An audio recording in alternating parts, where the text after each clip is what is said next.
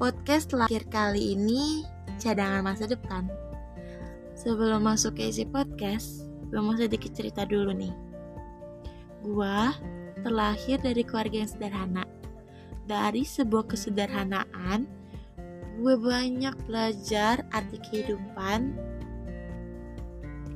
Ada kalanya kita berada di atas dan ada kalanya juga kita berada di bawah kita nggak bakal selamanya ada di atas. Coba berpikir, kita nggak akan pernah bisa maju tanpa bantuan orang lain.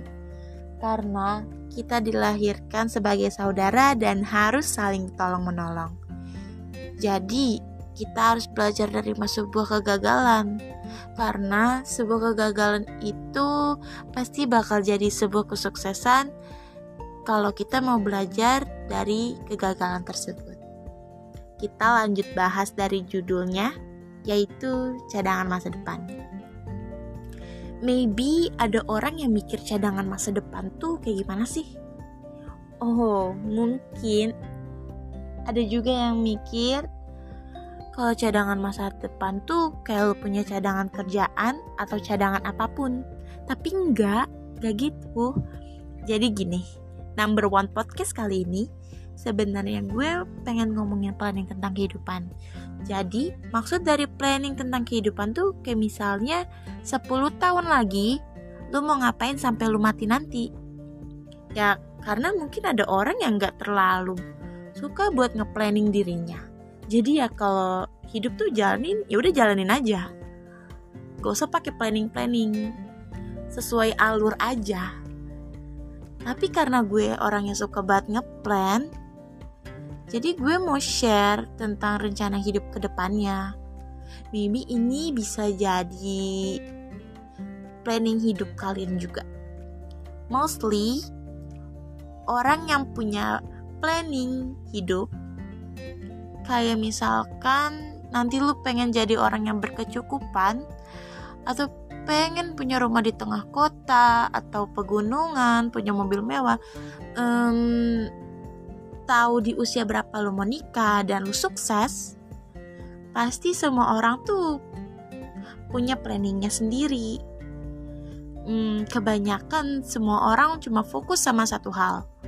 Nah, cuman kalau terlalu fokus sama satu hal tuh banyak orang jadi nggak siap sama halangan-halangan yang tiba-tiba datang sendiri.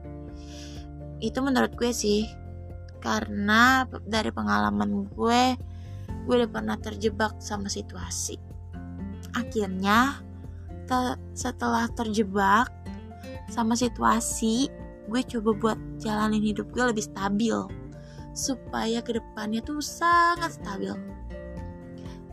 Dan sekarang gue kuliah gue suka ambil part time gue kuliah karena gue mau sukses ke depannya. Terlalu bukan berarti orang yang nggak kuliah itu nggak akan sukses di masa depan. Itu tergantung sama hidup masing-masing, tergantung dari kitanya sendiri ya.